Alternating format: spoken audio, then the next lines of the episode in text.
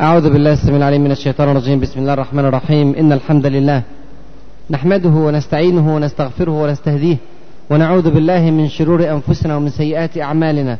إنه من يهده الله فلا مضل له ومن يضلل فلا هادي له وأشهد أن لا إله إلا الله وحده لا شريك له وأشهد أن محمدا عبده ورسوله. أما بعد فأهلا ومرحبا بكم في هذا اللقاء الطيب المبارك. وأسأل الله عز وجل أن يجعل هذا اللقاء في ميزان حسناتنا أجمعين. إخواني اعذروني اليوم لتعب الصوت فأنا مريض أسألكم الدعاء. نسأل الله عز وجل أن يشفي جميع أمراض المسلمين. نستكمل ما كنا قد بدأناه من حلقات حول موضوع أمة الإسلام بين علوم الشرع وعلوم الحياة. وتحدثنا كما تعلمون في عدة محاور. كان المحور الأول هو قيمة العلم بصفة عامة في الشريعة. قيمة العلم في كتاب رب العالمين سبحانه وتعالى وفي السنة المطهرة. وأثبتنا بما لا يدع مجالا للشك أن العلم أساس لبناء الأمم. وأول ما فتح به كتاب ربنا سبحانه وتعالى وأكثر الكلمات التي جاءت في كتاب ربنا بعد لفظ الجلالة العلم. ثم تحدثنا في محاضرة أخرى عن رصد الواقع عن قراءة في واقعنا العلمي. وفجعنا جميعا بالفجوة الهائلة التي بين أمة الإسلام وبين غيرها من الأمم التي كانت تتشابه مع أمتنا في ظروف كثيرة ولكنها أخذت بأسباب العلم فسبقت وقادت. تحدثنا عن الفجوة التي بين جامعات المسلمين وبين الجامعات الغربية التي بين علماء المسلمين والعلماء الغربيين والشرقيين وبين التقنية والاختراع والتصنيع والابتكار والإبداع وما إلى ذلك وكان هذا قراءة حقيقية للواقع الذي نعيش فيه وذكرنا ذلك بالإحصائيات والأرقام. ثم في المحاضرة السابقة أخذنا في تحليل لماذا وصل المسلمون إلى هذا الوضع. وذكرنا أن القضية في الأساس كانت قضية فهم. المسلمون على مدار عصور طويلة فهموا أن العلوم تقسم إلى علوم دين وعلوم دنيا. فتحرج المتحمسون لهذا الدين والملتزمون به والمحبون لله ولرسوله صلى الله عليه وسلم أن ينصرفوا عن علوم الدين إلى علوم الدنيا وأن ينشغلوا بدنياهم عن آخرتهم كما صور الذين صنفوا هذا التصنيف. علوم دنيا وعلوم دين.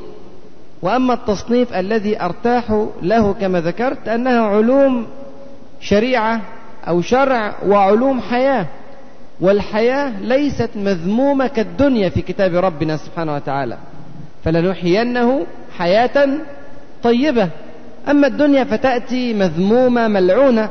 حتى قال رسولنا صلى الله عليه وسلم في رواه الترمذي وقال حسن صحيح أن رسول الله صلى الله عليه وسلم قال الدنيا ملعونة.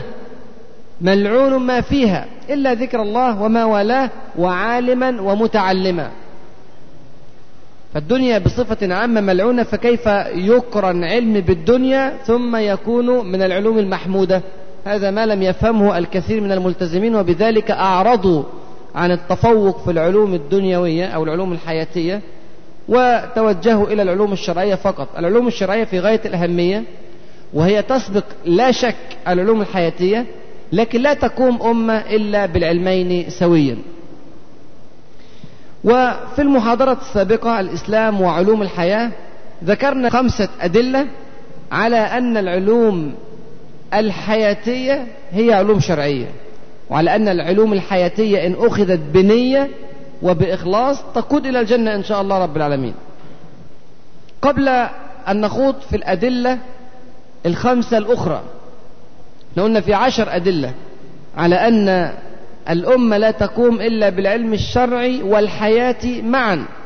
ذكرنا خمسة هنراجعهم إن شاء الله بسرعة لكن قبل أن نخوض فيهم نذكر ببعض أو نجيب على بعض الأسئلة التي وردت. الحقيقة أنا سعيد جدا بالتفاعل الذي من الناس من الحضور من إخواننا وأخواتنا بهذا الموضوع مع صعوبته. أنا أعلم أنه ليس من القصص وليس من الحكايات والروايات التي تمر سريعا على القلب لكن هو موضوع صعب ودراسة ويحتاج إلى جهد ومع ذلك ما شاء الله لا قوة إلا بالله تفاعلكم هذا يرفع الهمة وحضوركم بهذه الكثافة أيضا يرفع الهمة.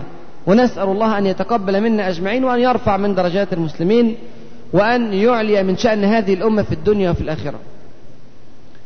بعض الإخوة أو كثير الحقيقة هذه الملحوظة جاءت من كثير تقول أن الدور الرئيسي في التغيير هو دور الحكومات. وتعرضنا لمثل هذه النقطة في الدرس السابق لكن نعود ونكرر. بيقول هذا دور الحكومات ونحن أفراد لا نملك الإنفاق على البحوث العلمية. لا نملك تحسين مستوى الجامعات ولا نملك كذا وكذا من الأمور التي ذكرتها. براءات الاختراع والترجمة والكمبيوتر والعلوم التقنية والتصنيع والشركات الكبرى. لا نملك كل هذا. يا أخي ويا أختي ما أطلبه في هذه المحاضرات بعد أن نفهم قيمة العلم فهما جيدا أن نسدد ونقارب؟ لو فهمنا حقيقة في غاية الأهمية أنا على يقين أننا بإذن الله سنعمل بطريقة مختلفة تماما ليس فقط في هذا الموضوع ولكن في كل أمور حياتنا. هذه الحقيقة هي أن الله عز وجل برحمته لا يحاسبنا على النتائج ولكن يحاسبنا على الأعمال. أنت اشتغلت عملت إيه؟ في حدود إمكانياتك في حدود قدراتك التي وضعها رب العالمين سبحانه وتعالى لك ويسرها لك في هذه الدنيا. لو أتاح الله عز وجل لك التفوق بمساحة معينة هذه قدرتك فليس مطلوبا منك ما هو أعلى من ذلك. وأعدوا لهم ما استطعتم من قوة. فمطلوب من الإخوة الأفاضل الحضور والذين يسمعون هذا الكلام بعد ذلك سواء في أشرطة أو يقرؤونه في كتاب أو يسمعونه من أحد الإخوة الذين ينقلون هذا الكلام مطلوب أن يتحرك بقدر طاقته لرفعة الأمة في هذا الباب باب العلم. لو طالب يبقى طالب متفوق. لو أستاذ يبقى معلم جيد ومبدع. لو مهندس يبتدي يقرأ أكتر وأكتر عشان يبدع في مجاله. الظروف لا تسمح أن تكون على درجة مساوية لعلماء الغرب في هذه الظروف التي تمر بها الأمة ليس هذا هو المطلوب الآن. المطلوب هو بذل الجهد قدر المستطاع. سنتعرض إن شاء الله في المحاضرة القادمة لكيف نصبح علماء. الطريق الذي ينبغي أن يسير فيه الفرد ليصبح عالما. وأنا أقول عالما بملء الفم لا أقول فقط طالب علم أو كما يقول بعض الإخوة في محاولة التواضع الشديدة طويل بعلم. لا إحنا عايزين طموح عالي.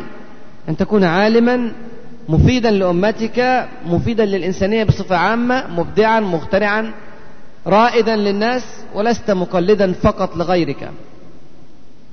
فنحن نحاسب على الأعمال ولا نحاسب على النتائج. افرض أنت عملت كل اللي عليك لإصلاح مؤسسة علمية. أنت في جامعة أو في معهد أو في مركز بحثي أو في مدرسة.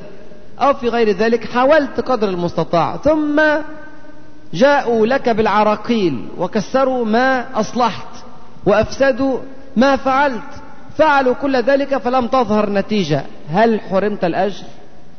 يا أخي كن كأسعد ابن زرارة رضي الله عنه وأرضاه كمصعب ابن عمير رضي الله عنه وأرضاه كحمزة ابن عبد المطلب رضي الله عنه وأرضاه كأنس بن الربيع كأنس بن النضر كالكثير والكثير والكثير من عظماء الصحابة الذين قدموا ثم لم يشاهدوا تمكينا في حياتهم.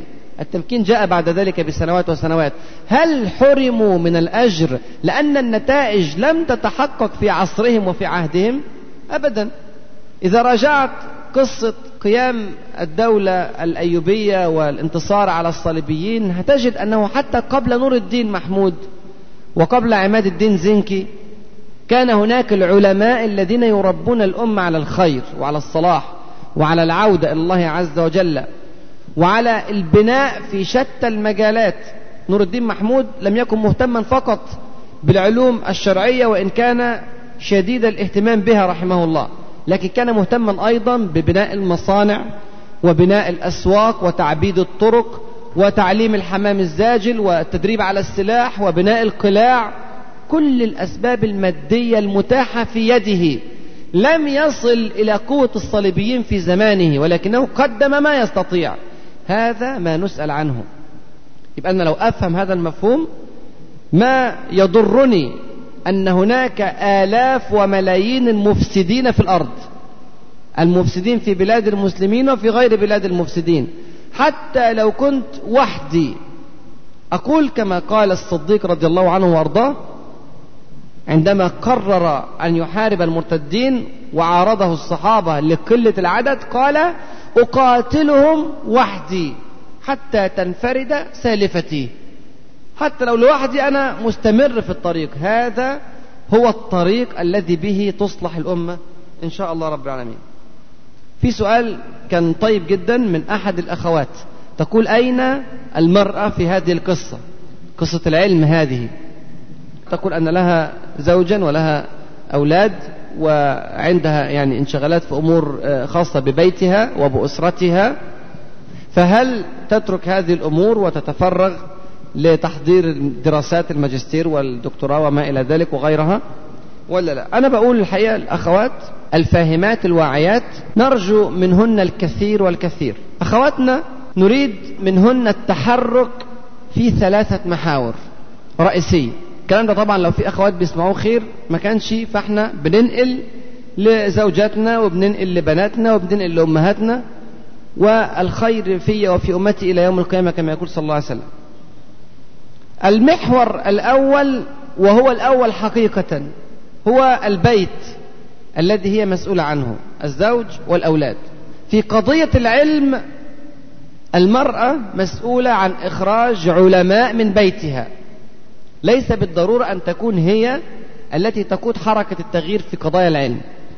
ولكن هي مسؤولة عن إخراج الزوج والأولاد في صورة علمية جيدة. الزوج بتهيئة الجو المناسب له ليبدع وينتج تحمسه على الإبداع وعلى الإختراع وعلى التفوق والتقدم توفر له الجو الهادئ المناسب تضيق أحيانا على ظروف المعيشة في داخل البيت لأجل توفير طلب العلم. وده مفروض شيء يترسخ جوانا. أنا بشوف الناس اللي بتتجوز تفكر إنها تجيب أوضة نوم وأوضة سفرة وصالون وممكن أنتريه وأجهزة كهربائية وكذا وكذا. قد لا يخطر على بالهم أن يشتروا مكتبة قيمة. من ضمن الجهاز اللي هتتجوز بيه اللي هتبدأ بيه حياة أن يكون عندك مكتبة قيمة. مش مهم القيمة تكون في الخشب وفي الشكل الخارجي لا أنا أقصد بها الكتب اللي جوه.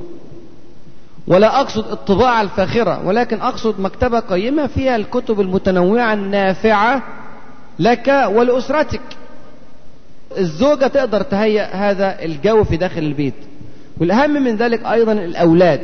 وكلنا شايفين يعني ظروفنا كرجال في هذه الآونة التي تعيش فيها الأمة للأسف الشديد كلنا مشغولين. منا اللي بيشتغل الصبح وبعد الظهر وبين كده وكده ومنهم اللي ما بيرجعش البيت إلا في منتصف الليل أو بعد ذلك ويصحى الصبح بدري ينطلق إلى عمله. وهذا ليس عذرا للأزواج ولكن هذا واقع نرصده. والزوجة هي التي تبقى مع الأولاد. يا ترى أولادك هيطلعوا زي البخاري وزي مسلم وزي أحمد بن حنبل وزي الشافعي وزي غيرهم من علماء المسلمين رحمهم الله جميعا؟ زي جابر بن حيان زي الرازي زي هؤلاء الذين غيروا حقيقة من وجه التاريخ ولا هيطلع إنسان عادي. يا دوبك يكون عارف بعض المعلومات عن دينه وعن حياته وعن أمته. هذا دور في غاية الأهمية. ممكن نقف وقفة مع زيد بن ثابت رضي الله عنه وأرضاه ومع أمه رضي الله عنها وأرضاها. زيد بن ثابت وهو طفل صغير عنده 13 سنة حاول أن يخرج للحرب في بدر. اشتاقت نفسه للجهاد في سبيل الله. وهو لسه صغير يعني. لكن حركة المجتمع كله كانت متجهة للجهاد فارتفعت حميته للجهاد في سبيل الله. لكن الرسول صلى الله عليه وسلم رآه صغيرا فأشفق عليه فرده. فبكى زيد بن ثابت حبا واشتياقا للجهاد. ورجع البيت وهو يبكي. فقالت له الأم ما يبكيك؟ فقال ردني رسول الله صلى الله عليه وسلم عن الجهاد في سبيل الله. فقالت إن كنت لا تستطيع أن تجاهد بهذا السيف أو هذا الدرع كما يقاتل المقاتلون فأنت تستطيع أن تخدم رسول الله صلى الله عليه وسلم والإسلام بالعلم الذي عندك. أنت تقرأ وتكتب وتحفظ من القرآن ما لا يحفظ غيرك وتقرأه كما أنزل على رسول الله صلى الله عليه وسلم. فتعال نعرض هذه الإمكانيات على الرسول صلى الله عليه وسلم. ممكن يستغل هذه الإمكانيات. انظروا إلى الأم الفاهمة الواعية. شرط يكون مجاهد في سبيل الله عشان في بعض الإخوة لما بيتقفل باب الجهاد نسأل الله عز وجل أن يفتح أبواب الجهاد لتحرير كل بلاد المسلمين. بيعتقد أن خلاص انتهت القضية ويقعد راكن ساكن إلى أن يفتح باب الجهاد لعله لا يفتح في حياته. لكن المسلم لا يركن أبدا دايما شغال. زيد بن ثابت اتقفل قدامه باب رضي الله عنه وأرضاه. ففتحت له أمه بابا آخر باب العلم وذهبت به إلى الرسول صلى الله عليه وسلم وعرضت الإمكانيات التي عنده فسمع منه صلى الله عليه وسلم واختبره قرأ أمامه القرآن زيد ابن ثابت رضي الله عنه وأحسن القراءة. فالرسول صلى الله عليه وسلم رآه أيضا يكتب ويقرأ وهذا نادر في هذه البيئة. فقال له اذهب وتعلم لي لغة اليهود فإني لا آمنهم. على كتابي. وذهب زيد بن ثابت فتعلم اللغة العبرية في 17 ليلة. هتجيبها يمين هتجيبها شمال هتقول لي إزاي أعمل الكلام ده؟ هقول لك ما أعرفش. هو ربنا سبحانه وتعالى بارك له في وقته لعله كان عنده بعض الأمور عن اللغة العبرية عارف بعض الأشياء وأتقن هذه اللغة في هذه الأيام ال17 لكن واضح إن ربنا بارك له في وقته وبارك له في علمه وفتح له أبواب الخير كثيرة. ورجع يتكلم اللغة كأهلها وبعت الرسول صلى الله عليه وسلم يتعلم لغة تانية السريانيه وتعلمها ورجع قال له تكتب الوحي وبدأ يكون من كتبة الوحي. الرسول صلى الله عليه وسلم مات في سنة 11 من الهجرة وأوكل الصديق رضي الله عنه وأرضاه مهمة جمع القرآن لزيد بن ثابت وكان عنده ساعتها 23 سنة. شوف 23 سنة. يعني في زماننا يبقى إيه؟ يبقى يا دوبك مخلص جامعة. يا دوبك مخلص جامعة وأوكلت له مهمة من أثقل المهام في تاريخ البشرية جمعاء. مهمة جمع كتاب الله عز وجل ليحفظ إلى يوم القيامة. كل واحد فينا وفي أي بلد في العالم وفي أي زمن من الأزمان يقرأ في كتاب ربنا سبحانه وتعالى يعطي زيدا أجرا. تخيل. شوف كم الأجر دون أن ينقذ ذلك من أجرنا شيئا إن شاء الله. لكن هذا عمل أفاد الأمة الإسلامية وهو من جانب العلم وليس من جانب الجهاد كما ذكرنا. لذلك يقول الحسن البصري كلمة عجيبة جدا.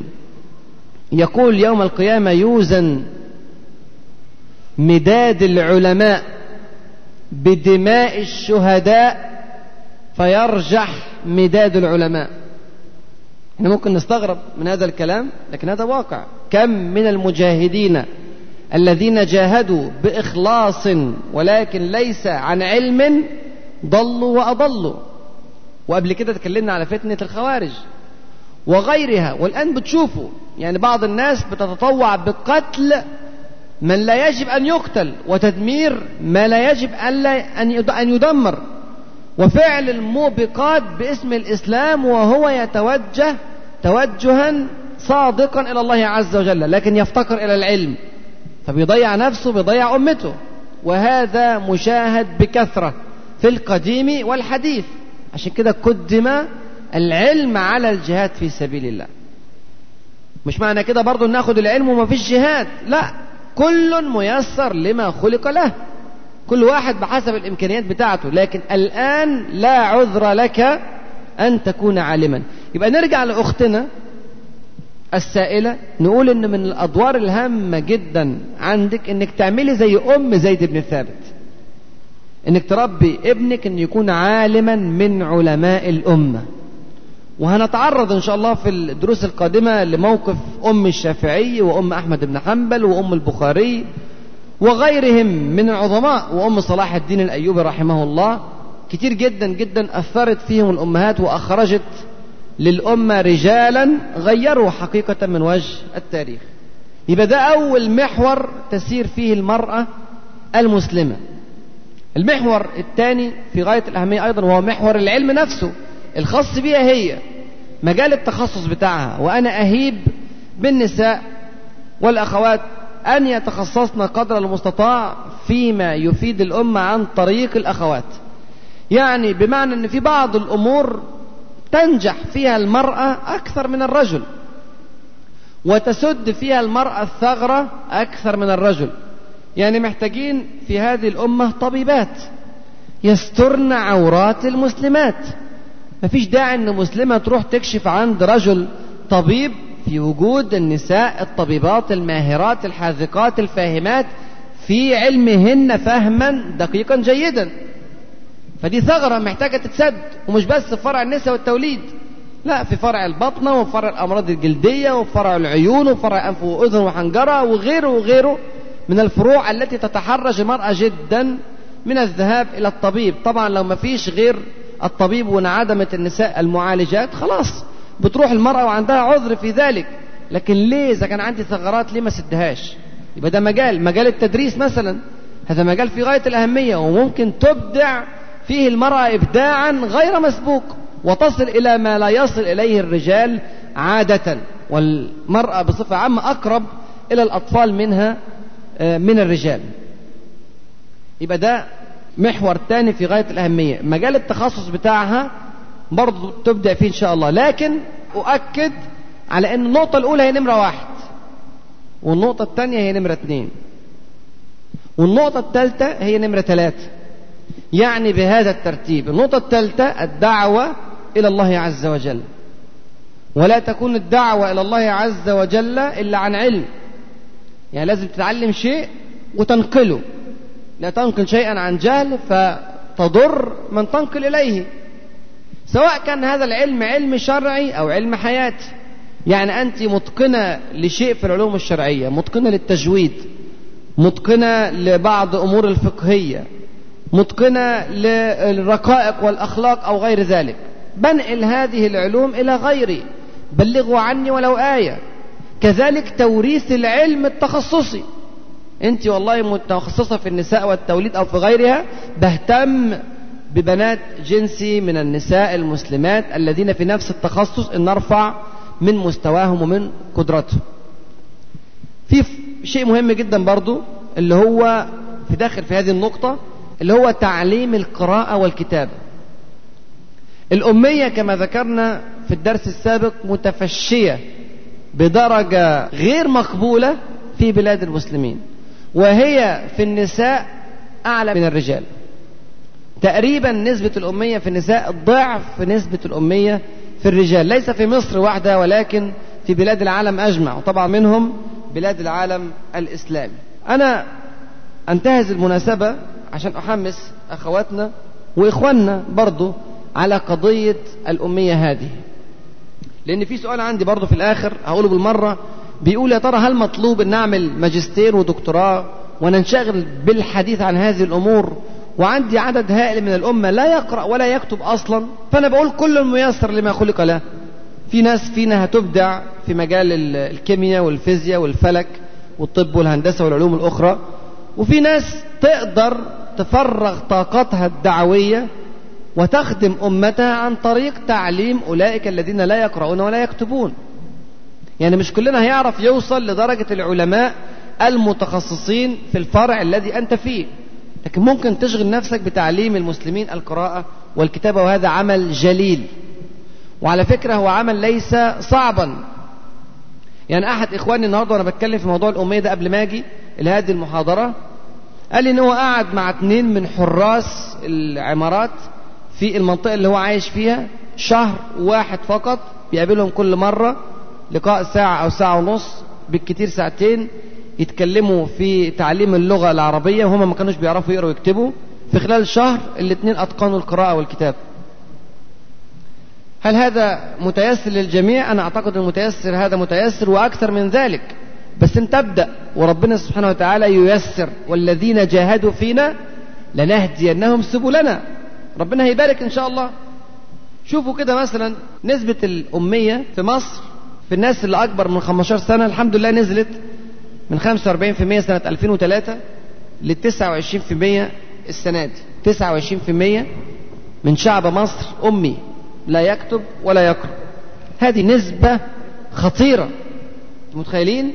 يعني من كل عشرة في ثلاثة ما بيعرفوش يقروا أصلا قرآن ما بيفتحوش المصحف أساسا ولا جورنال ولا غيره. وإحنا قاعدين وسطيهم هم قاعدين وسطينا. يعني مش قاعدين منعزلين في بلد تاني. لا متوزعين علينا كلنا. كل واحد فينا هتلاقي حواليه دوائر منهم. يا ترى دولت مسؤولية مين؟ مسؤولية الحكومة بس؟ ولا مسؤوليتنا معاهم؟ عشان تعرف قد إيه يعني الرقم ده مفجع.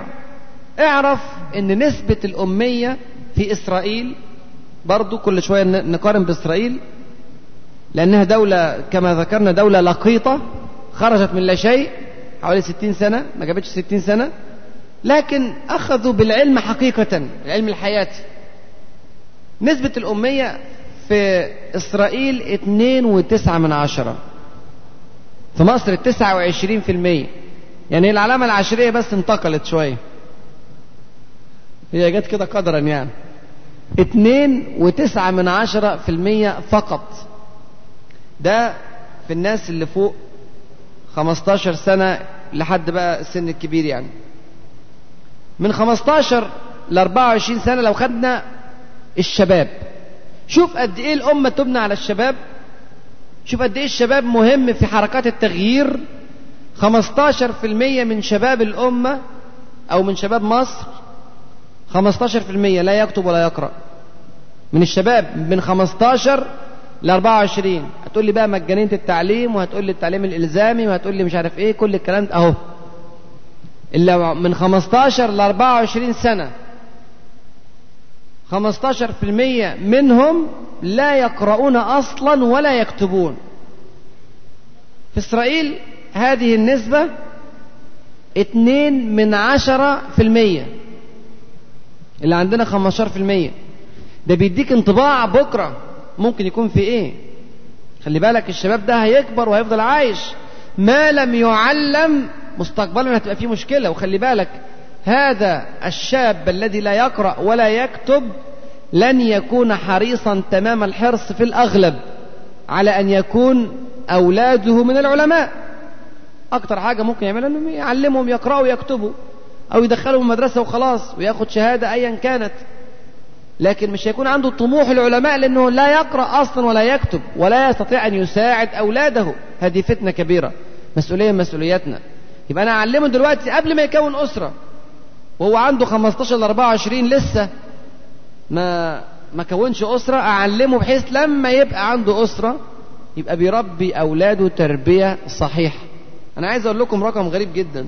نسبة الأمية عشان إحنا دايما نضرب الأمثلة بإسرائيل وبأمريكا وبإنجلترا وفرنسا فيجي لنا نوع من الإحباط عشان ديت يعني بلاد متقدمة زي ما بيقولوا.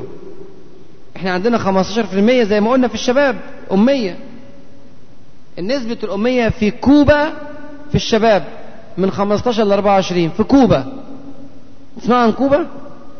هي بلد موجودة. إيه صوتها في العالم ولا إيه وضعها؟ الله أعلم. ما نسمعش عن لها عن أي تأثير لها في حركة التاريخ أو الواقع. كويس؟ كوبا ديت نسبة الأمية فيها صفر. صفر. يعني ما فيهاش ولا شاب من 15 ل 24 سنة لا يقرأ ولا يكتب. كله بيقرأ ويكتب.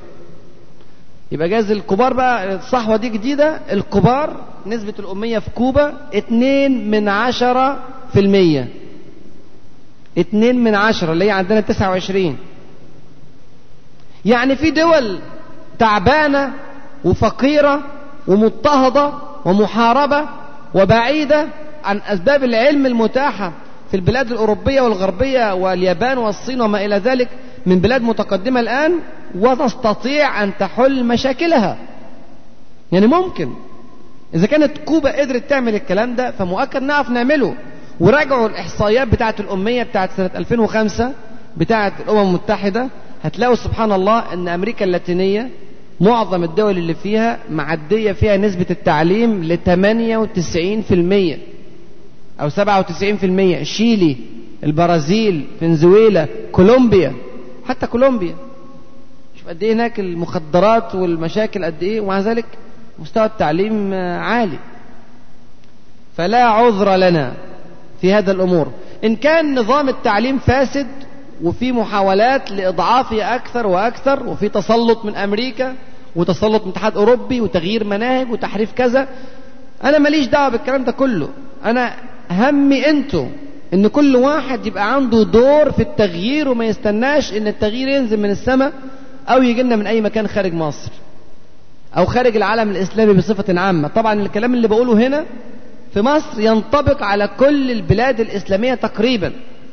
نسبة الأمية في البلاد الإسلامية تقريبا هي نفس النسبة اللي في مصر أكتر شوية أقل شوية لكن في العموم هي نسبة واحدة. نسبة الأمية في البلاد العربية مجتمعة 16% في مصر يعني للأسف أعلى كمان 29 عندنا. الإناث نسبة الأمية في العالم ككل في الإناث 14% لكن لما تيجي تاخدها على مصر بس عشان أحمس أخواتي إن هم يتحركوا في هذا المجال وهذا من أبلغ مجالات الدعوة إلى الله عز وجل.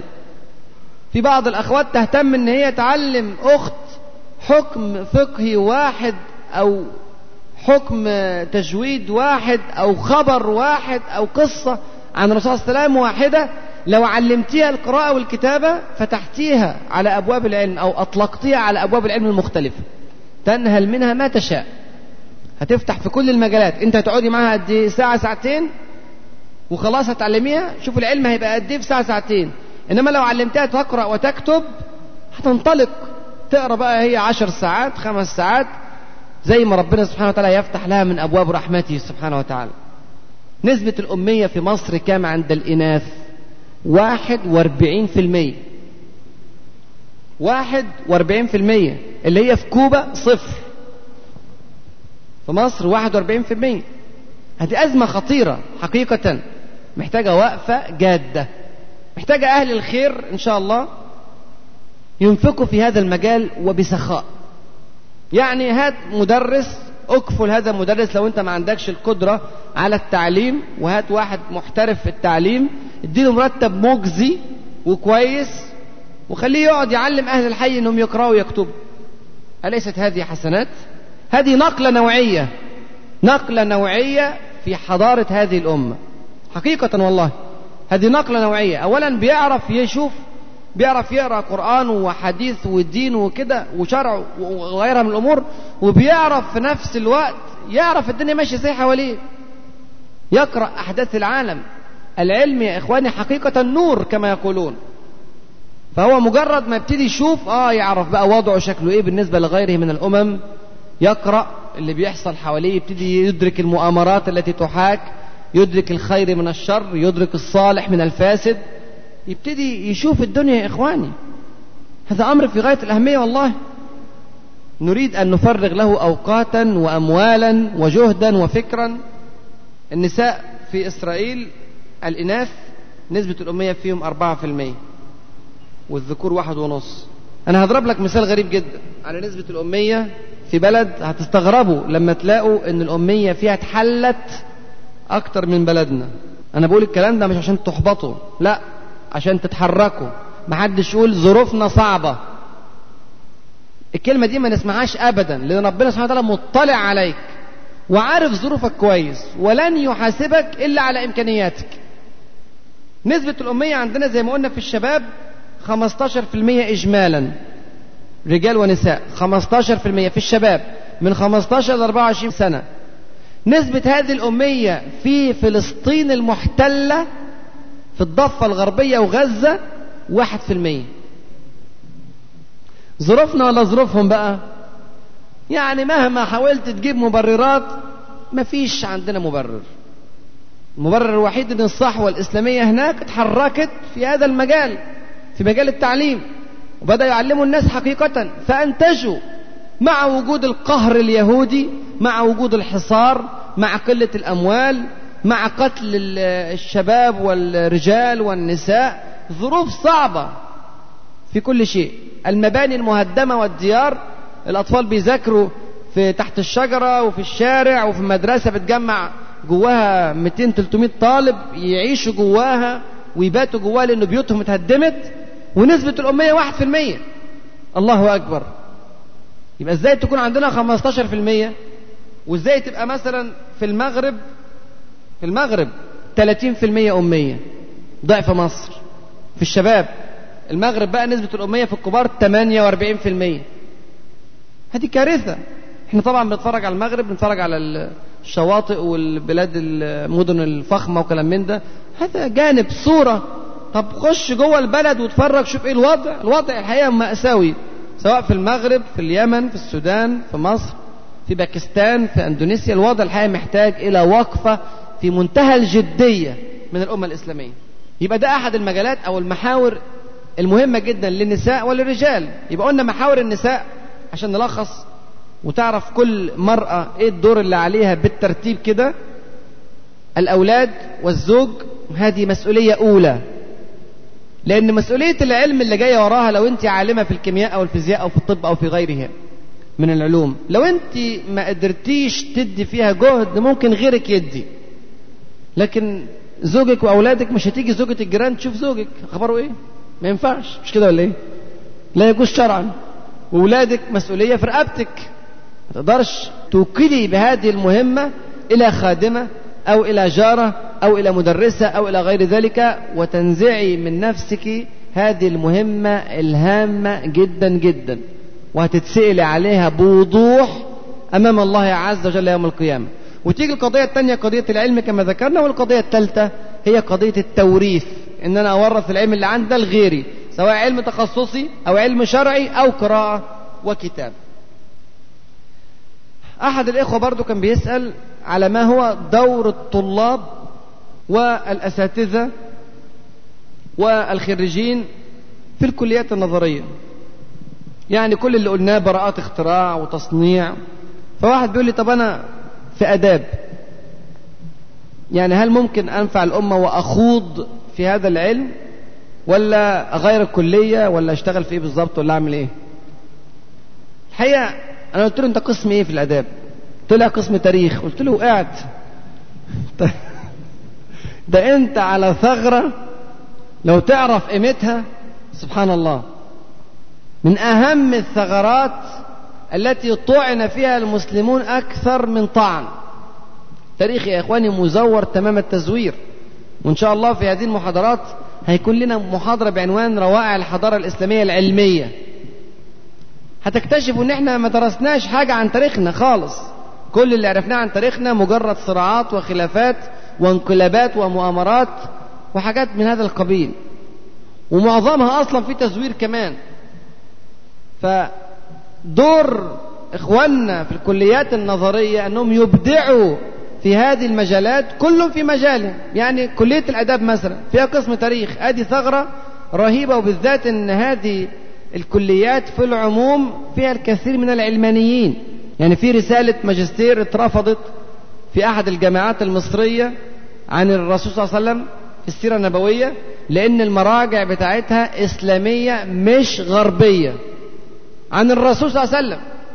يعني مطلوب مني لما أتكلم على الرسول صلى الله عليه وسلم أجيب مرجع فرنسي وألماني وإنجليزي وما ينفعش أجيب مراجع علماء المسلمين ده تخلف. واترفضت فعلا الرسالة لحد ما عد المراجع وجاب المراجع الاستشراقية. فمحتاجين إن نغزو هذه الأماكن ونغير من هذه العلوم ونضع المعايير الشرعية الإسلامية لدراسة التاريخ وغيره من الفروع. عندك إيه تاني يا عم في كلية الأداب؟ عندي والله قسم لغات.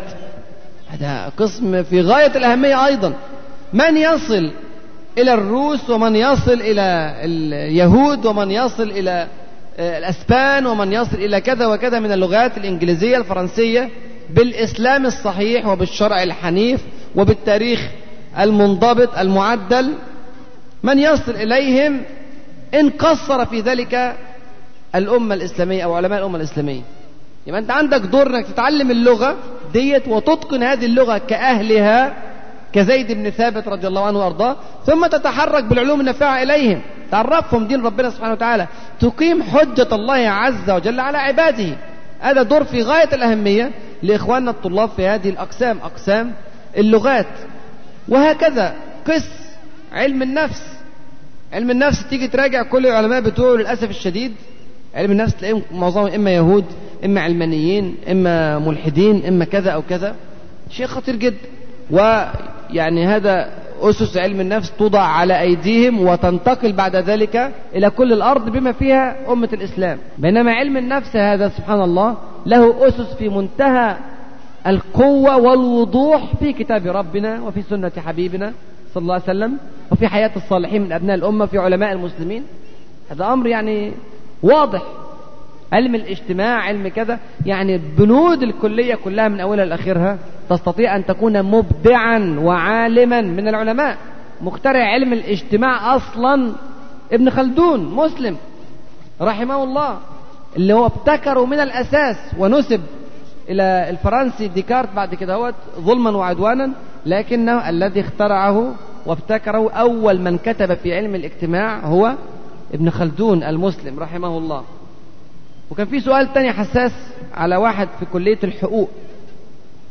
وبيقول إن هو يعني يعرف واحد ساب الكلية عشان الكلية بتدرس شرع مخالف لشرع الله عز وجل قوانين وضعية.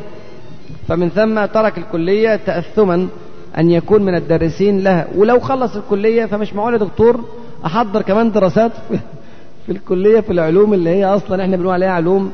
يعني أو قوانين وضعية مخالفة للشريعة. أرد عليه ولا ما أردش؟ نرد عليه.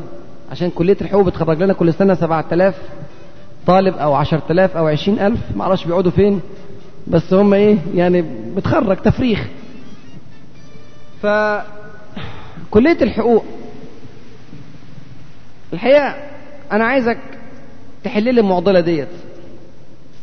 والشيخ اللي بيقول إن على الطلبة الملتزمين ألا يدخلوا هذه الكليات. وده موجود الكلام ده. في ناس بتقول هذا الكلام. أو أنهم بدل التزم يخرج ويسيب الكلية.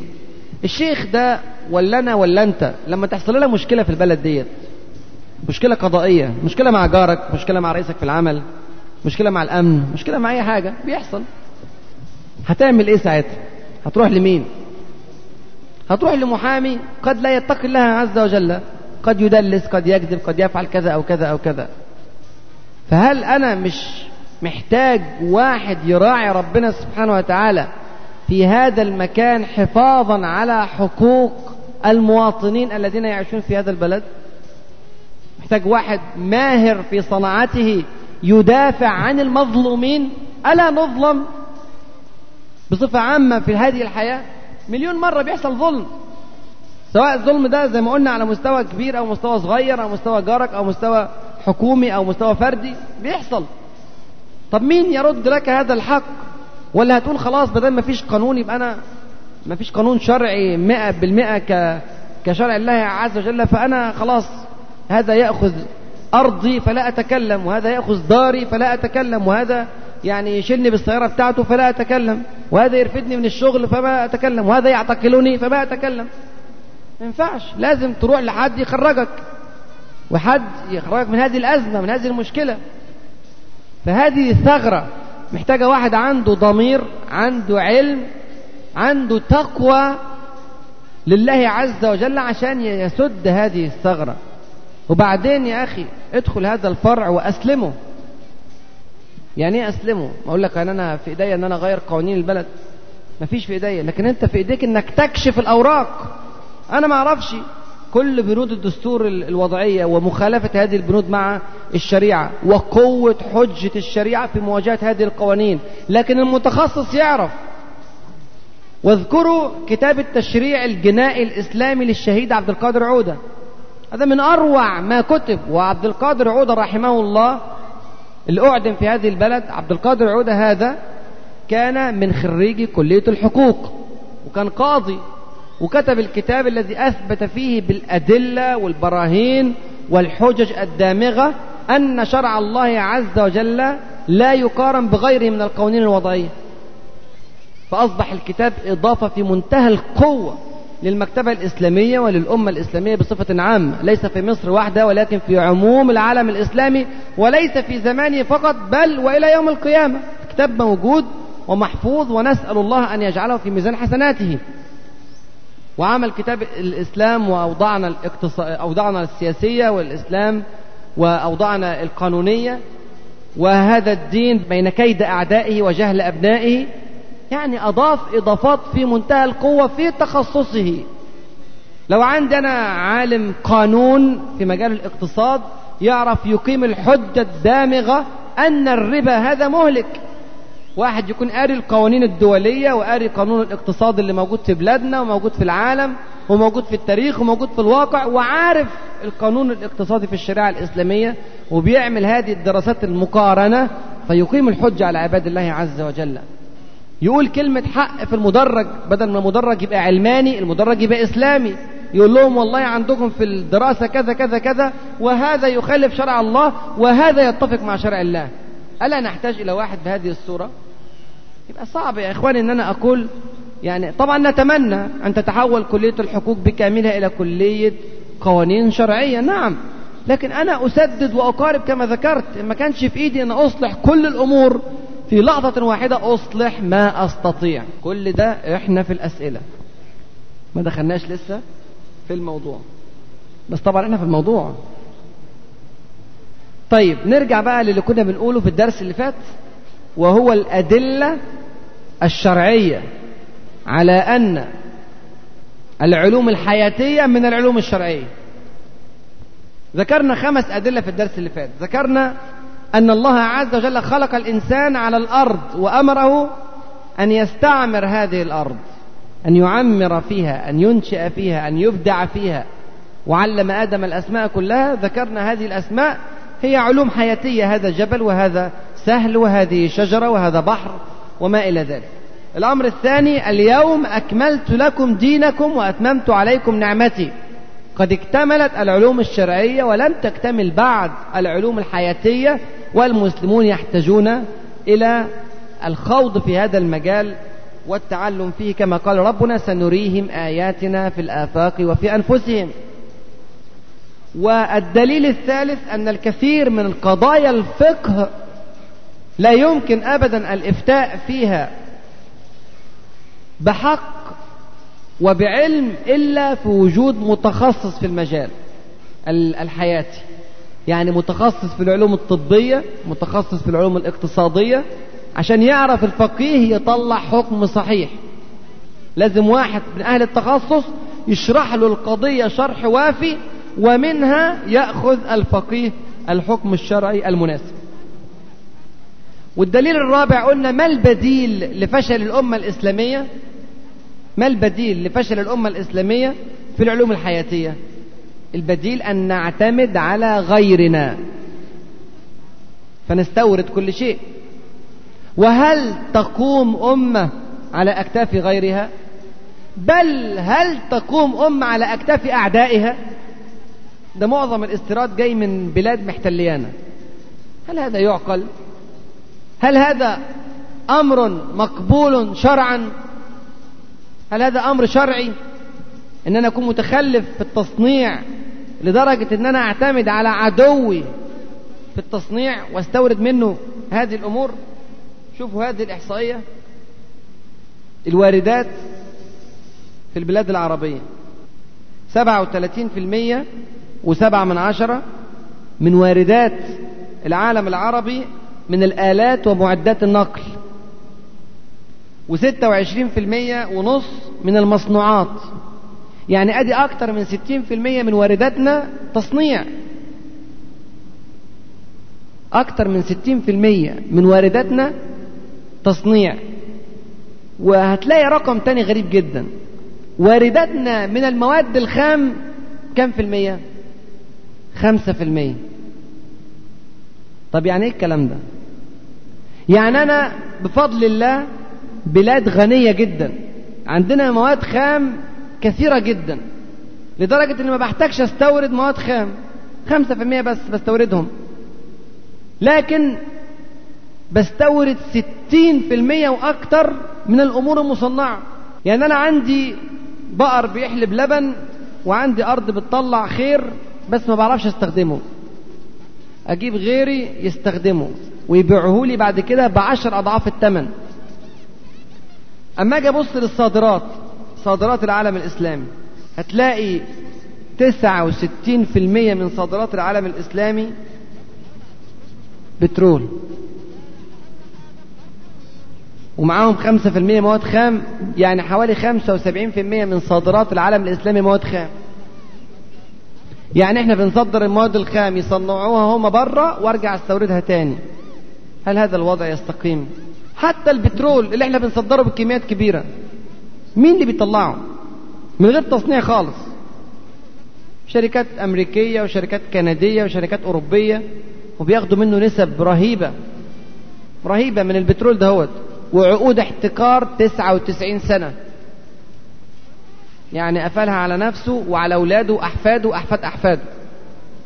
99 سنة عقود احتكار في شركات استخراج البترول من هنا وهناك من أطراف العالم العربي المختلفة. هذا يحتاج إلى وقفة. يعني هذه الأرقام تحتاج إلى وقفة من المسلمين. يبقى إذا قلت وطبعا اتكلمنا قبل كده في الدرس اللي فات على السلاح. السلاح بنستورده في الغالب كله من بره لا يصنع في بلاد المسلمين. قليل جدا جدا من البلاد الإسلامية. هي التي تصنع السلاح. قليل جدا جدا. والمعظم بيستورد السلاح. ومنين من أمريكا وإنجلترا وفرنسا وروسيا. يعني أمريكا وإنجلترا محتليننا في أفغانستان وفي العراق. نستورد منهم سلاح. وروسيا محتلينا في الشيشان. نستورد منهم سلاح. شيء يعني لا يقبل. حاجة الخامسة الدليل الخامس اللي قلناه المرة اللي فاتت برضو أن علوم الحياة طريق لمعرفة الله عز وجل. كل ما تقرأ في الكون أكتر كل ما تعرف ربنا أكتر تستطيع أن تعبد الله عز وجل عبادة صحيحة. شوف الآية بتقول إيه؟ وما قدر الله حق قدره والأرض جميعا قبضته يوم القيامة والسماوات مطويات بيمينه سبحانه وتعالى عما إيه؟ يشركون. يأتي الإشراك عندما لا تقدر لله قدره. التبحر في هذه العلوم يعطي لله عز وجل قدره. وما قدره الله حق قدره لا. أنا لما أقرأ بقى في الطب وفي الفلك وفي الجيولوجيا وأشوف العلوم الواسعة هذا وأشوف خلق الله عز وجل في النبات وفي الحيوان وفي غيره أزداد تعظيما لله عز وجل وعبادة له. الدليل السادس مهم جدا. هو أن العلوم الحياتية وسائل من وسائل فقه القرآن الكريم والسنة المطهرة يعني عشان أعرف أفسر القرآن الكريم تفسير صحيح محتاج أكون عارف علوم حياتية والقرآن الكريم كتاب ربنا سبحانه وتعالى دستور أمتنا. يعني لا يقبل من المسلمين أن يغفلوا أو يتلاهوا أو يتناسوا فقه القرآن الكريم. مش أنت بتحب القرآن الكريم وفرغت حياتك له؟ لا تستطيع أن تفقهه حق الفقه إلا بعلوم حياتية شوفوا أساتذتنا القدماء من العلماء في السلف عندما قرأوا آيات في القرآن الكريم فهموها على محمل معين وفسروها على وجه معين ولما تقدم العلم بالمسلمين فهمنا منها أشياء أخرى وظهرت وجوه جديدة. كما يقول ربنا سبحانه وتعالى مثلا والجبال أوتادا. مثلا.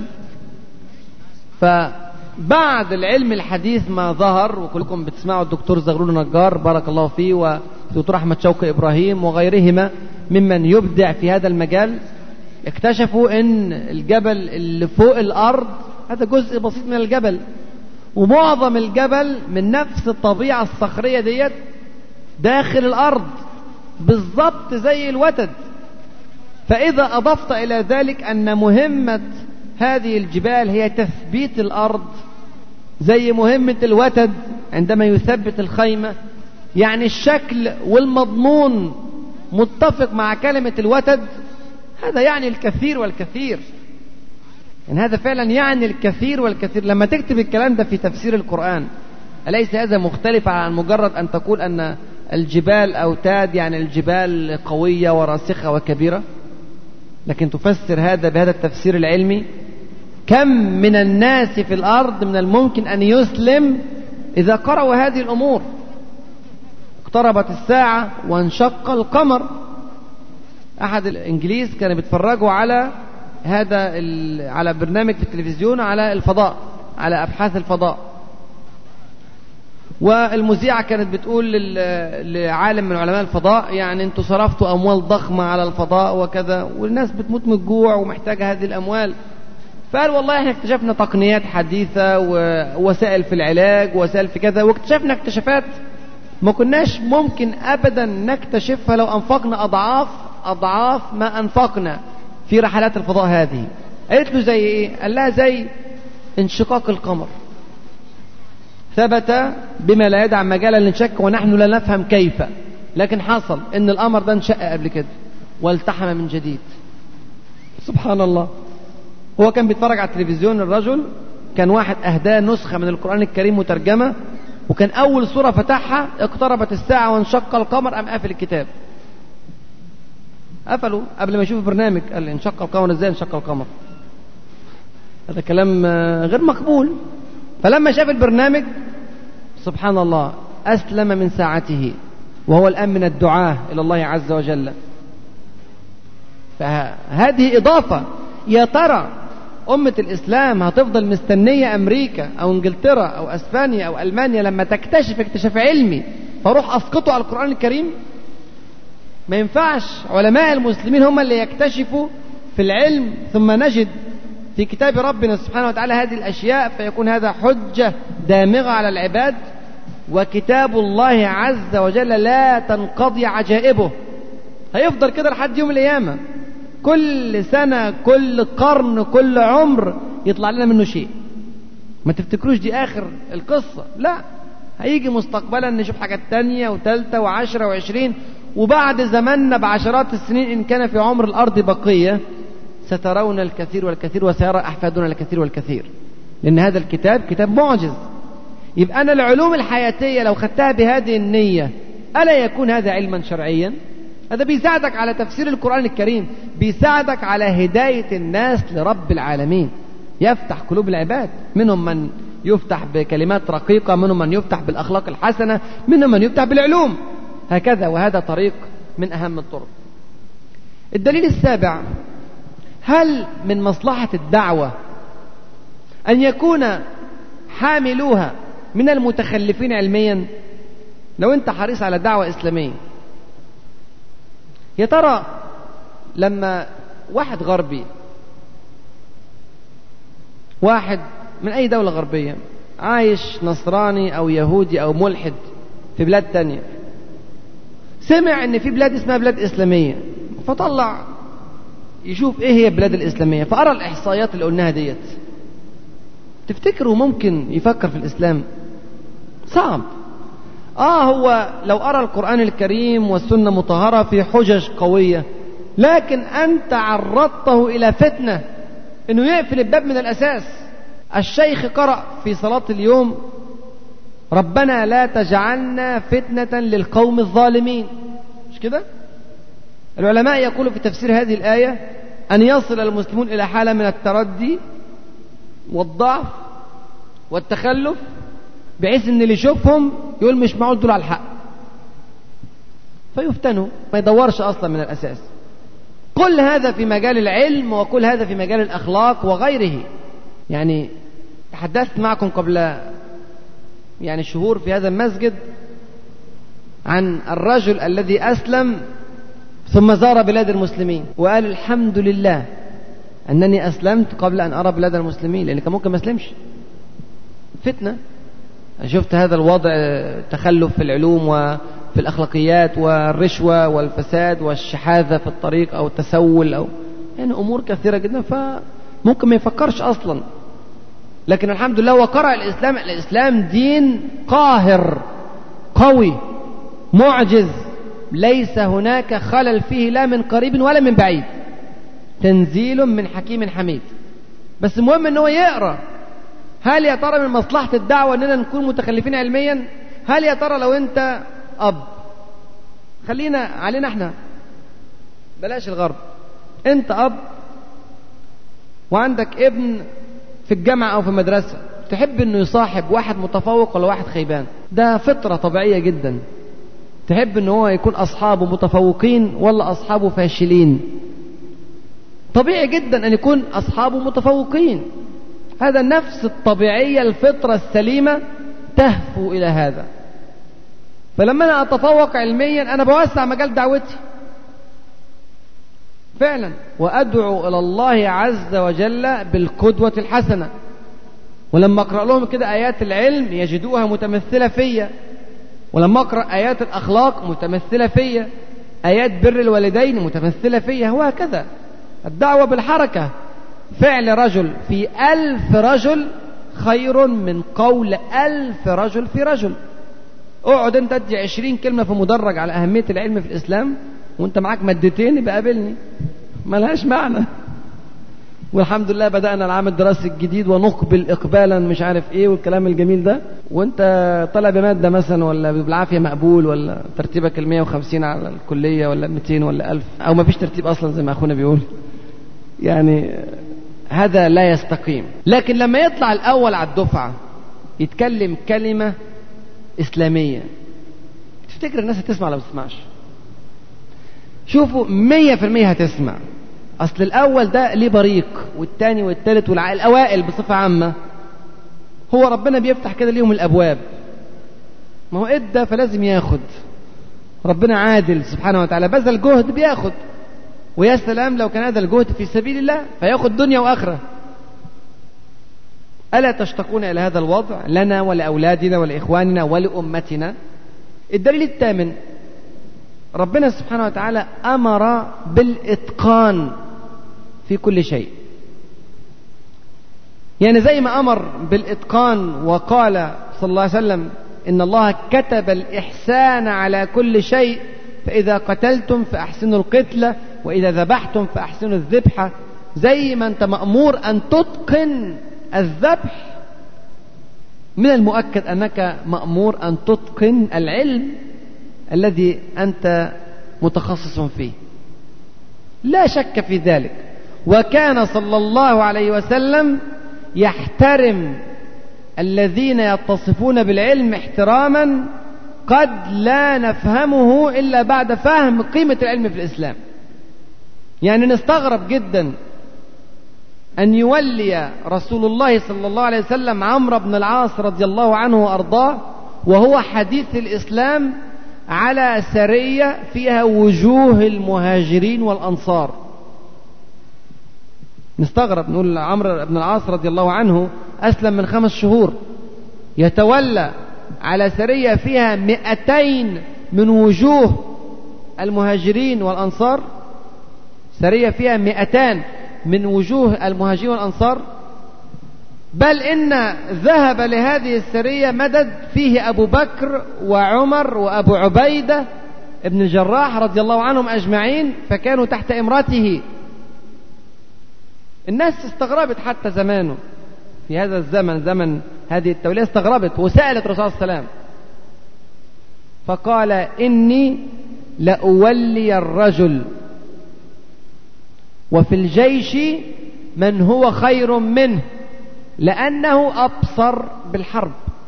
ويقول صلى الله عليه وسلم من تطبب ولا يعلم عنه الطب فآذى نفسا أو ما دونها فهو ضامن. ترجمة بقى عايزين ترجمة لهذا الكلام. يعني إيه الكلام ده؟ يعني لو في واحد اشتغل بمهنة الطب وهو ليس طبيب أو لم يعرف عنه المهارة في المجال الذي عمل به. زي ما للأسف الشديد بتلاقوا دكاترة في تخصص مختلف خالص بيعالجوا أمراض تانية في تخصص تاني. أهو برضه سبوبة زي ما بيقولوا رزق جاي مش معقول يمشيه حتى عيب يعني في حقه لما يقول مش عارف فيما إيه؟ فيعالجه.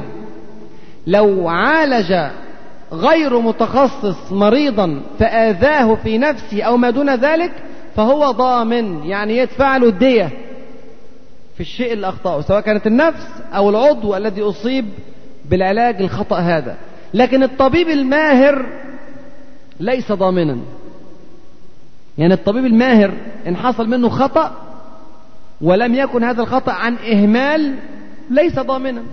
لأن إحنا مش مطالبين بأننا نعالج المرضى مية في المية كل المرضى في أمراض ليس لها شفاء. لا يعلم شفاءها إلا الله عز وجل.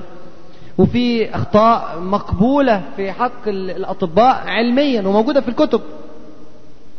لكن من غير الماهر أو من غير الطبيب المتخصص غير مقبولة. غير مقبولة بالمرة. والكلام ده اتقال من أكثر من 1400 سنة. انظروا إلى الدقة.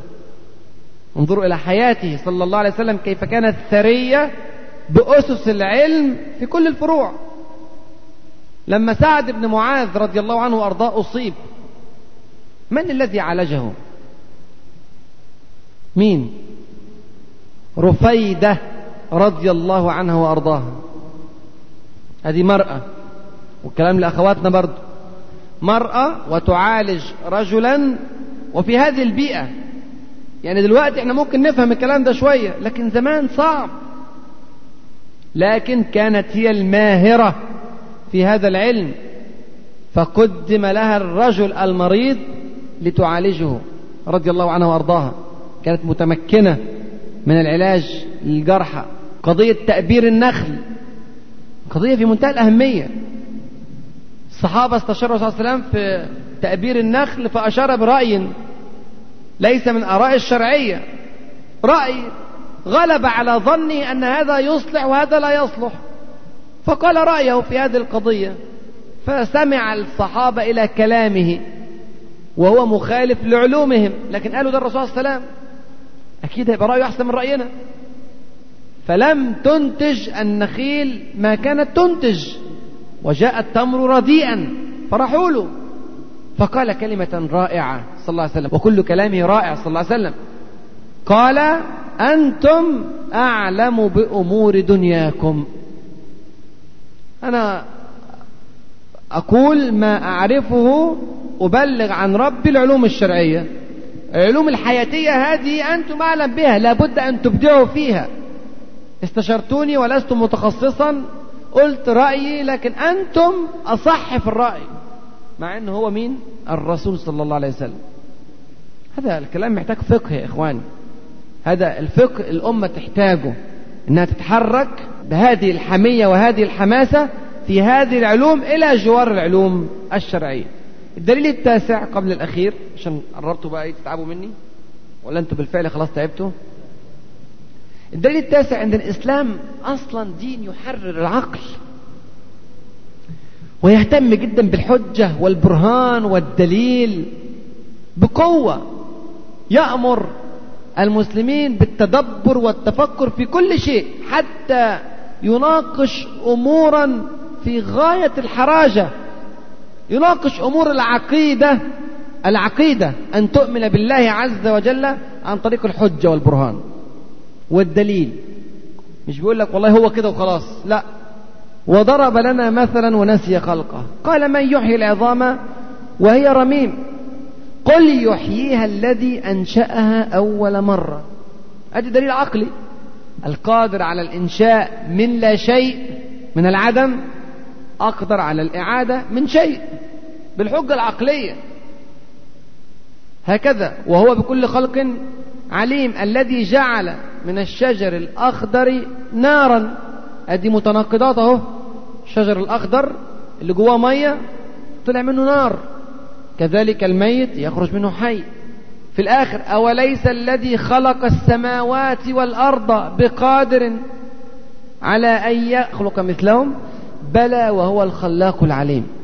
يبقى هذه الحجج واحدة ورا الثانية ورا الثالثة في قضية واحدة. وآيات أخرى كثيرة. في نفس السياق يقيم الحجة سبحانه وتعالى على الخلق أنه هو الخالق وهو الذي يجب أن يعبد حجج عقلية إلى جوار ما جاء عن طريق النقل عن طريق حبيبي صلى الله عليه وسلم. فالإسلام دين يحرر العقل فكر وتدبر وانظر إلى الكون من حولك وخرج الثروات التي في باطنه والتي أمامك وأبدع في هذا الخلق هذا أمر من رب العالمين سبحانه وتعالى. الأمر بالسير في ملكوت الله عز وجل السير في الأرض والتفكر والتدبر كثير جدا جدا في كتاب ربنا. آخر شيء نذكره في هذا المضمار أنك إذا راجعت التاريخ الإسلامي هتجد دائما أن عهود القوة مربوطة بالتفوق في العلوم الشرعية والحياتية. ما عندناش يا إخواني ويا أخواتي زي ما عند أوروبا من اضطهاد للعلماء. ليه أوروبا دلوقتي بتنادي بالعلمانية العلمانية العلمانية؟ يعني إيه علمانية؟ يعني لا دينية. الإنسان العلماني بيقول لا ديني. قضية الدين ديت قضية غير مطروحة أصلا. ليه أوروبا كلها بتنادي بالعلمانية؟ لأن أوروبا تاريخها بيقول أن الكنيسة الأوروبية الكاثوليكية فعلا كانت شديدة قاسية على العلماء. أوقفت حركة العلم في أواسط القرن السادس عشر. أول ما طلع بقى الحركة العلمية والثورة العلمية بدأت الكنيسة تضاد هذه الحركة العلمية بمنتهى القوة. وأنتوا عارفين محاكمات كوبرنيكوس ومحاكمات جاليليو. كوبرنيكوس هرب من بلاده. كوبرنيكوس مين كوبرنيكوس ده؟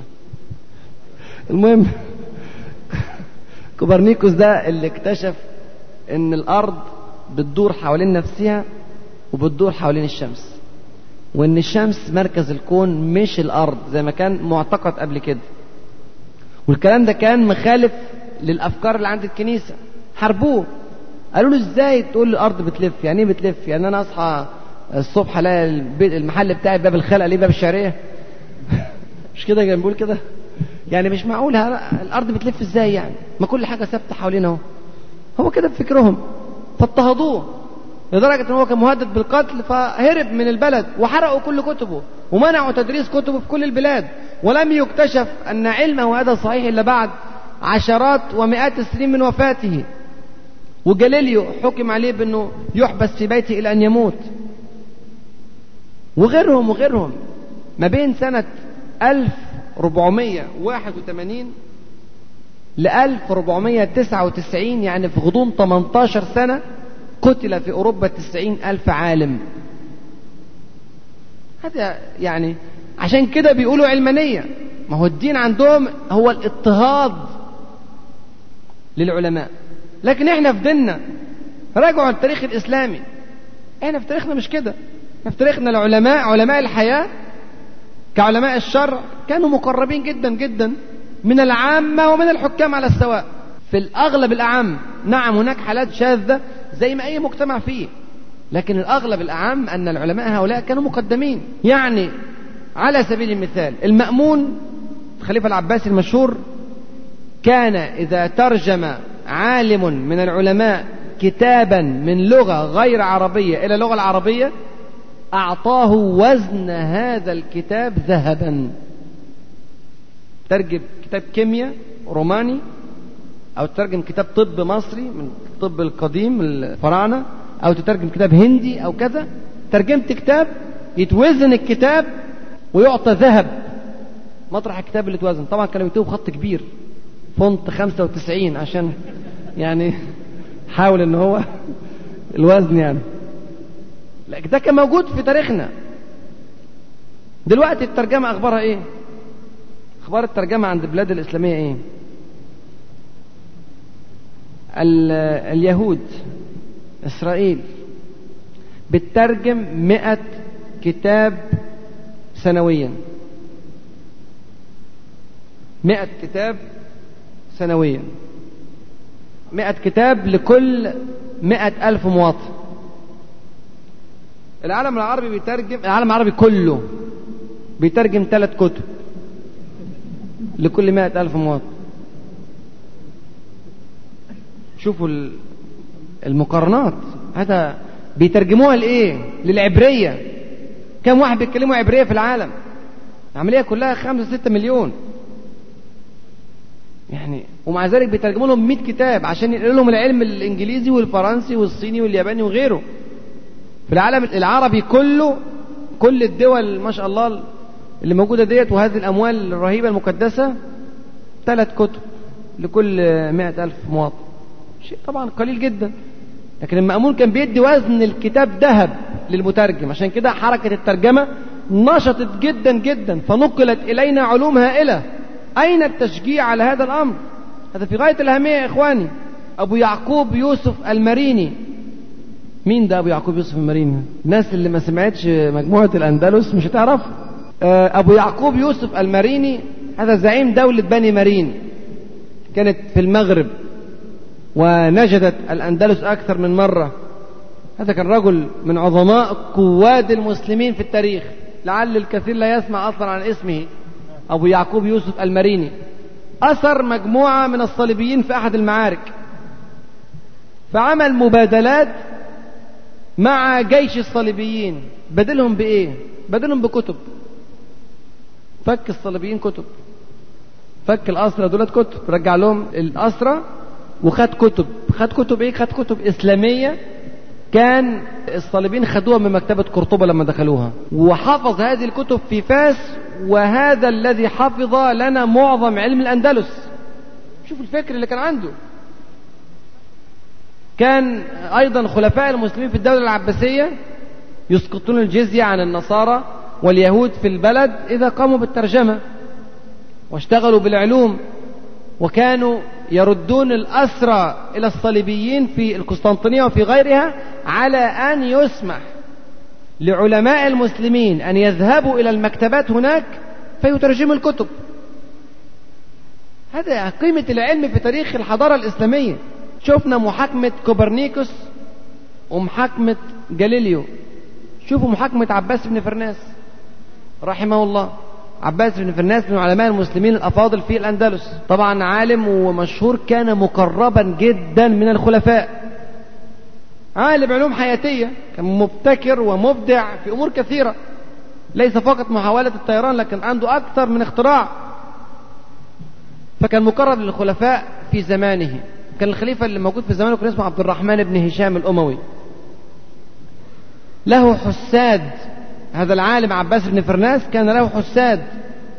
فراحوا اتهموه بالسحر والشعوذة. وقالوا بيطلع من بيته دخان كده بيولع حاجات وداخل بيته مية وبيخلط حاجات بحاجات وبيقول كلمات عجيبة كده يعني. اتهموه. فجابوه عشان يحاكموه. في هذه المحاكمة قيل له أنت تفعل كذا وكذا ويدخل في بيتك الماء وتخلط أشياء بأشياء. فقال إذا خلطت الدقيق بالماء فصنعت منه عجينا ثم وضعته فوق النار فأنتج خبزا. أحرام أن نأكله؟ قالوا لا مش حرام طبعا. هذا مما علمه الله لنا وهذا أكل حلال. قال هكذا أفعل. أنا أخلط مادة بمادة وأسخنها عشان أطلع شيء ينفع المسلمين. فأتوا بشاهد. من الشاهد؟ عبد الرحمن بن هشام الخليفة. جابوه في المحكمة. قعد يسمع المحاكمة. ثم قام قال أشهد أنه قال لي أنه يفعل كذا وكذا وكذا. كل هذه الأمور لها أصول. عنده وما علمت عنه إلا تقوى وورع وعلم. خليفة المسلمين قائد الدولة كلها جايبينه في المحكمة يشهد وبيشهد لصالح العالم ده. فحفظت له مكانته. رحمه الله ادي قيمة العلماء. يبقى أنا ما هناك معنى أن ينادي العلمانيون في بلادنا الإسلامية وفي غيرها من بلاد العالم أن يبتعد المسلمون عن دينهم لينهضوا. أبدا عمر ديننا ما كان عقبة في سبيل النهوض. العلمانيون الذين درسوا مناهج الأوروبية وشافوا ما فعلته الكنيسة الكاثوليكية في العلماء الغربيين ظنوا أن كل دين يفعل هذا الأمر. لكن الدين الإسلامي حض على العلم من أول يوم وإلى الآن وإلى يوم القيامة. هذه يعني ماشية مع الدين الإسلامي في كل فروعه حث على العلم في كل بنود العلوم سواء علوم شرعية أو علوم حياتية. يعني من هذه الأمور أو هذه الأدلة في تلك عشرة كاملة هذه عشر أدلة زي ما قلنا يتضح منها أن الاهتمام بالعلوم الحياتية هو عمل أخروي. فعلا الطالب اللي قاعد يذاكر ده وقت المذاكرة بتاعه في ميزان حسناته إن شاء الله. بشرط إنك توجه هذه النية لله عز وجل. تريد أن تذاكر أو تحضر العلوم مش تحضر أرواح تحضر علوم. تحاول أنك تبدع في المجال اللي أنت فيه لأجل رفعة أمتك ولأجل الثواب من رب العالمين سبحانه وتعالى. بهذه النية تؤجر على هذا العمل وبهذه الروح تتقدم الأمة إن شاء الله إلى أعلى الدرجات. في المحاضرة القادمة إن شاء الله هنذكر بعض الأمور التي بها تكون عالما إن شاء الله رب العالمين وبغيرها يستحيل. أمور معينة كده لازم عشان تبقى عالم تعرف إنك هتمر بيها. من غيرها مش هينفع نكون علماء. كيف نصبح علماء؟ هذا هو حديثنا إن شاء الله. في المحاضرة القادمة أسأل الله عز وجل أن يفقهنا في سننه وأن يعلمنا ما ينفعنا وأن ينفعنا بما علمنا إنه ولي ذلك والقادر عليه. فستذكرون ما أقول لكم وأفوض أمري إلى الله. إن الله بصير بالعباد. والسلام عليكم ورحمة الله وبركاته. مع تحيات النور للإنتاج الإعلامي والتوزيع.